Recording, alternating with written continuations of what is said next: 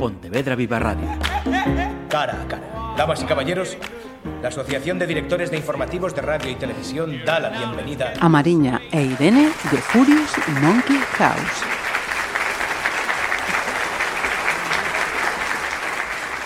Este próximo domingo 13, los pontevedreses Furious Monkey House subirán al escenario de la herrería. Los o las invitadas a este cara a cara son dos de sus seis integrantes. Mariña Paz, Hola, ¿qué tal? voz de Furious y, y responsable en buena medida de las letras. Luego hablaremos. Irene Esteban, guitarra. Efectivamente. Bienvenida también. Gracias. Empezamos, eh, si os parece, eh, hablando, aunque hablaremos de ese concierto del domingo, hablando de, de Oniric, vuestro tercer álbum editado este año. Y lo primero que a mí me llamó la atención del, del álbum, antes de, de escuchar las canciones, ya fue la portada. Nos encontramos con un fondo oscuro, vuestra imagen, digamos, difuminada y mm, alrededor de unas flores, un lienzo blanco. Yo decía, a ver, mm, espera, ¿qué estoy, qué estoy viendo? Y de repente Mm. me doy cuenta, un, dos, tres, cuatro, cinco, me falta, estoy viendo unos pies, unas manos. El funeral del mono. Sí, así es. El funeral del mono. Eh, es algo que sentíamos que ya tenía que pasar. O sea, obviamente no queremos, no queremos matar al mono, ¿vale? No, no es algo como que disfrutemos haciendo, pero cream- creíamos que era algo ya como necesario, teniendo a Gonzalo igualmente con nosotros, obviamente sigue tocando con nosotros, pero bueno, sin careta, ya no hay mono. Eh, así que bueno, es una, es una forma de, pues, de dar una nueva imagen a la banda.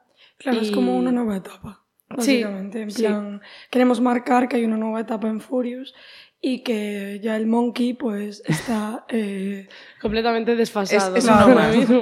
Es Pero uno sí, más. es uno más, es uno claro, más. claro. Ajá. O sea que el, el mono furioso ya tiene nombre, ya sabemos que es Gonzalo. Gonzalo aparece con su cara. Y como estáis ya diciendo, esa declaración de intenciones, nada más ver la portada para decir, eh, em, aquellos niños de 2014 ya tuvieron su momento, ahora ya estamos en otra, en otra fase. Claro, es que tú piensas que imagínate a unos niños de 10 años tocando con un adulto. Era como raro, entonces el hecho raro. de darle el, pues la careta y tal, pues era una manera de... De, igualarlo, ¿no? Claro, Sí, era Sí. divertido también, era una cosa como que llamaba la atención y para los directos funcionaba muy guay. claro, claro. Pero bueno, que ahora es distinto y también, también estamos muy emocionados con esta etapa nueva. Sin duda, sin duda, tiene que ser así. Y musicalmente este disco llega oh, siete años después de- del anterior, con ese parón, impas, ¿no? que, que a todos nos, nos llegó de, de la pandemia, que supongo que también tuvo que ver. Sí, bueno, sacamos un segundo álbum en, en 2019. Ujú. O sea, el primero fue 2015, luego 2019. Ah, esto Sí. es verdad. Sí, pero el que lo tenía yo 2019 con el 16, lo había puesto en Claro. el 16, claro, Pero se me claro, fue la pinza. claro, En está 2019 no eso, nos dicen claro. pues, ni, a propor- a- ni a promocionarlo ni... Sí, fue un poco desastre con la pandemia y nada, todo. claro, o porque- sea, Ujú. esto se sacó a finales de 2019, a principios de 2020 ya pandemia, así que nada. Sí, sí. No se pudo ni, ni tocar apenas ni nada. Vale, vale, vale. O sea, me, falta, me faltaba a mí ese, ese punto, ¿ves? Nunca se está preparado del todo, me acaban de, de pillar. no pasa nada, no pasa nada. Eh, entonces, a ver, vamos a, a ver si con ese, con ese trabajo del 19, lo que sí se nota muchísimo en Oniric, también, eh, aparte de vuestro cambio, lógicamente, que musicalmente ya no es ese rock, solo rock guitarrero que, que hacíais al principio, sino que eh, hay más presencia de, de teclas, de sintes, Mm. y que hay influencias también de otros estilos que ahora mismo vuestras generaciones escuchan. Sí, claro, esa era, esa era principalmente la idea. O sea, dentro de la banda cada uno tiene sus gustos, muchos comunes, pero otros muchos súper dispares. Entonces lo que queríamos hacer era un poco juntar todas nuestras influencias en pues en, en Oniric. En o una sea, y realmente creo sí. que nos salió bastante acertado lo que queríamos hacer. Sí, al final el álbum es una. O sea, es un reflejo natural de nuestra evolución escuchando música. Entonces, si en un principio lo que escuchábamos era Pixies y Radiohead y grupos de los 90 que nos molaban y que esos sí que nos molaban a todos y que eran súper comunes, ahora es que nos gusta el hip hop, nos gusta la electrónica, eh, nos gustan otros subgéneros dentro del rock, eh, o sea, a mí me encanta el shoegaze eh, o el trip hop o cosas así. Entonces, pues al final hay un poco de todo igual, no súper claramente, pero sí que se nota que es una mezcla de muchas cosas. Perfecto. Y mm, con las letras me ha llamado también la atención leyendo algunas entrevistas en las que dices que, eh, claro, estas letras las habías escrito un tiempo atrás, ¿no? Y eh, que Mm. ahora mismo ya digamos que estáis, estás en, en otro escalón, Sí. pero que mantienes esas letras porque pueden hacer que se identifique con esa Mariña de ese sí, momento, claro. ¿no? O sea, al final, o sea, yo creo que es una cosa como muy natural en la adolescencia, que es como quien eres hace dos meses no es quien eres ahora, ¿sabes? Y estas letras las hice con 16. Entonces, hay cosas que ahora digo, Dios, en plan, qué vergüenza, ¿sabes? En qué mal. Pero da igual, porque al final, o sea, yo las hice en un momento que de verdad sentía que necesitaba hacer algo así y que me rentó muchísimo y era algo con lo que yo me sentía muy identificada y creo que son temas, o sea, son temas específicos de una chica adolescente, pero son muy universales también, ¿sabes? O sea, al final hablo pues de las relaciones eh, sobre todo amistosas y de las relaciones de todo tipo, del amor de todo tipo, de sentirse perdido, sentirse solo, ¿sabes? Como cosas muy generales. Entonces creo que al final mucha gente se puede sentir identificado con eso también. Sin duda. Eh, venís, os preguntaba antes de abrir micrófonos, cuando había terminado esa mm, gira, eh, junto con Girando por Salas, valga la redundancia, ¿cómo, cómo ha sido? ¿Cómo la habéis vivido? A ver, la verdad fue súper divertida. O sea, fueron, no sé si, bueno, fueron ocho bolos, creo. Nueve, creo. No, bueno, eso, Algo entre, entre siete y nueve, y nueve bolos. Y la verdad fueron súper divertidos. O sea, fue una manera de que hacía un montón de tiempo que no pasábamos pues mucho tiempo juntos, que no convivíamos y tal. Y al final somos un grupo que, aunque ya no estemos juntos y ya no salgamos juntos como amigos, seguimos siendo amigos. Entonces, Claro. es como quedar con tus amigos del colegio. Pues eso, hicimos eso tocando, pasándonoslo bien y, y nada, la verdad fue súper guay en casi todas las salas. Hubo una acogida muy chula, la gente que venía era, era gente que, que realmente, o sea, aunque hubiera poca gente, la gente que venía había escuchado el disco, le molaba y tío, estuvo, estuvo muy chulo porque además nunca habíamos tocado en salas. Claro, es que es un formato al que no estamos nada acostumbradas, porque imagínate nosotras. O sea, en tú, si eres menor de edad, no puedes dar conciertos a partir de las 10 de la noche, por ley. O sea, creo que era así. Eh, entonces, claro, nosotros, o sea, la última persona que cumplió 18 los cumplió en noviembre. O sea, éramos, había siempre alguien menor en la banda. Entonces no podíamos, sobre todo en las salas, que es un ambiente sobre todo nocturno, no habíamos tocado en salas, en la sala Karma, Ajá. ¿sabes? Entonces, eh, también fue como eso, un formato nuevo que no estábamos acostumbrados, también un poco más hostil en muchos sentidos, porque empezamos nosotros tocando de una forma más amable, en festivales, en cosas así, pero nada, súper bien, la verdad, nos llevamos súper buen sabor de boca. Ha sido entonces vuestra primera eh, gira con, con la mayoría de edad, ¿no? Sí. Eso, eso se vive que, ¿De qué manera? O sea, ya personalmente es de cada uno. Eso de decir, bueno, es que ya soy mayor de edad, como decía Mariña, ¿no? Ya a partir de esta hora, bueno, supongo que en vuestro día a día eso ya estaba más que Ya, claro. asumido, ¿no? Pero en esa parte, ¿cómo, cómo lo habéis vivido?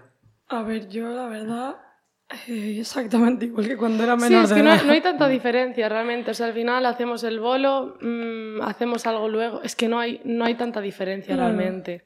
No es como que de repente se abre la puerta a una libertad increíble. Claro, no, o sea, es que el que se bebía una cerveza después del bolo antes se la bebe ahora también, ¿sabes? No. no. hay esa diferencia marcada de...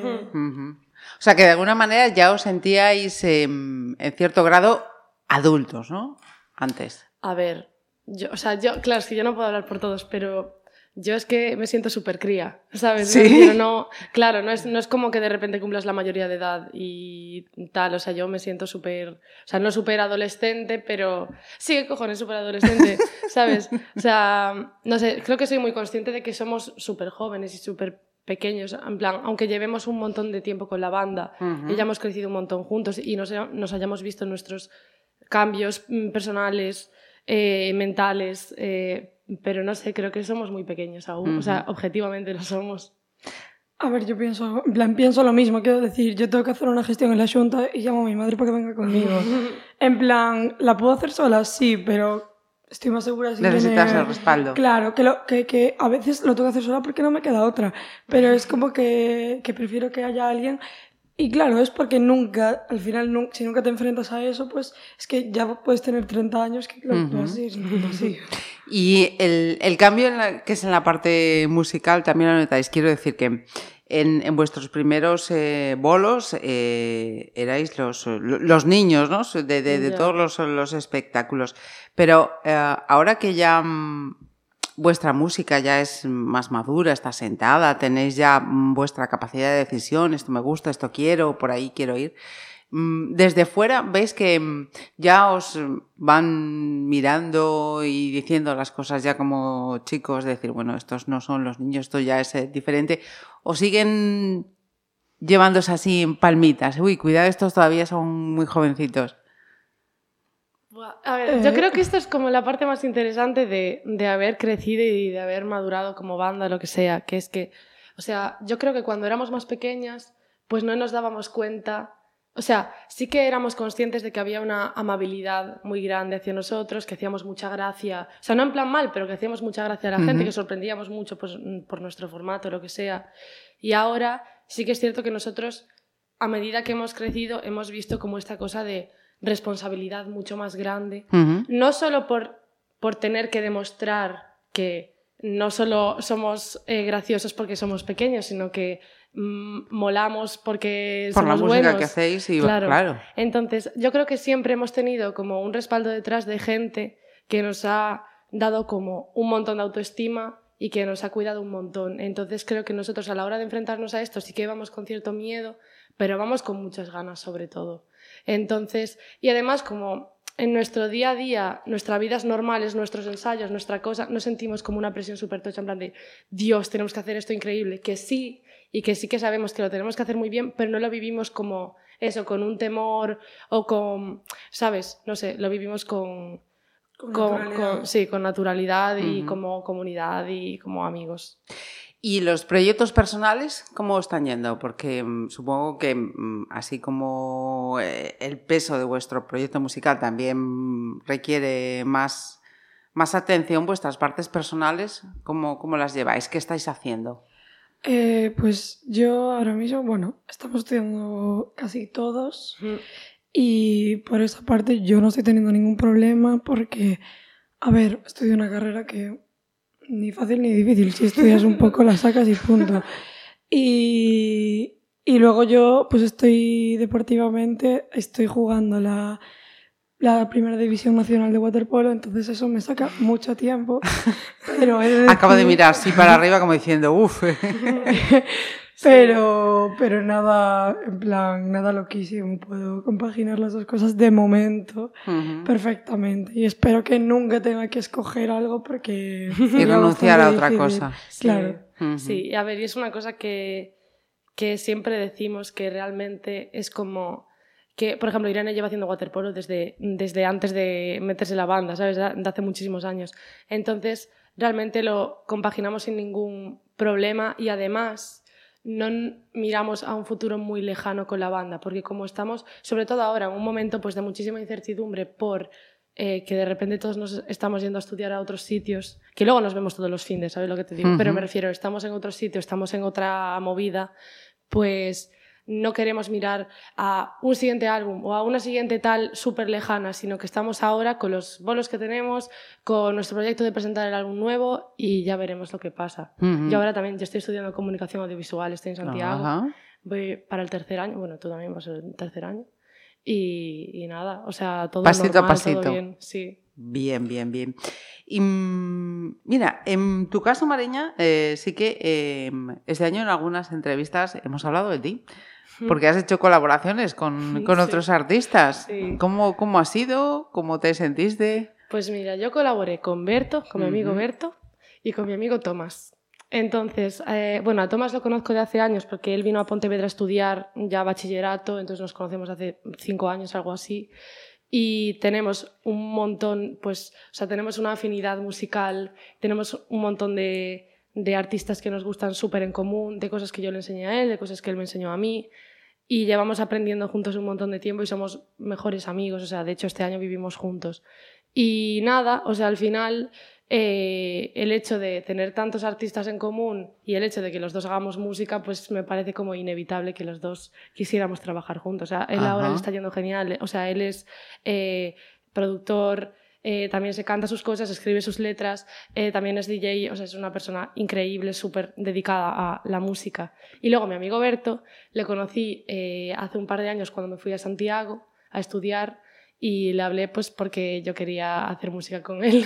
o sea, quería juntarme con gente Sí. nueva y me molaba un montón lo que había hecho con Fer en su anterior proyecto, en lo de Berto.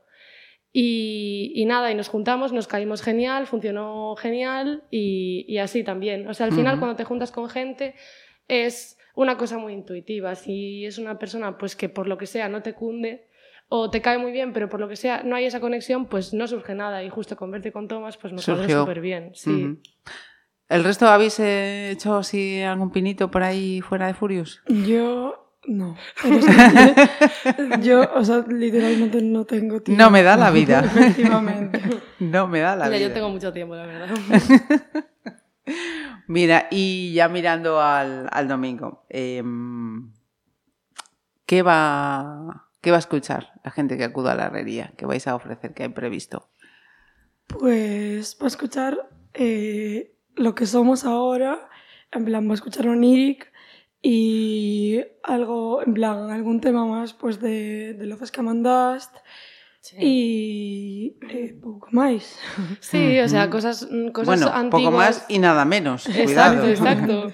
No, pero jova, o sea, es oniric y son cosas que recuperamos, que nos molan y con las que nos seguimos sintiendo identificados por la movida que, que hablábamos antes de que hay cosas que, pss, ¿sabes? no. Obviamente nos mola un montón y no renegamos nada de eso, ¿sabes? Es un- Ujú. es- son etapas por las que pasamos. Claro. Pero las movidas que más nos molan y con las que más nos sentimos identificados ahora. Y después de este de Pontevedra, ¿qué queda? ¿Qué, ¿Para dónde os han llamado ya? ¿Cómo Pues va a ir el verano? Antes de Pontevedra, mañana es viernes. Sí, Mañana, mañana es viernes. Tocamos en Gijón Sí. y luego el domingo tocamos en Pontevedra y tenemos dos bolos el 2 de más septiembre en el Ameixa, en el Ameixa Fest, en Villa García. En- creo. En Carril, creo. que. En Carril, vale. no- Vila García. Sí, qué bueno.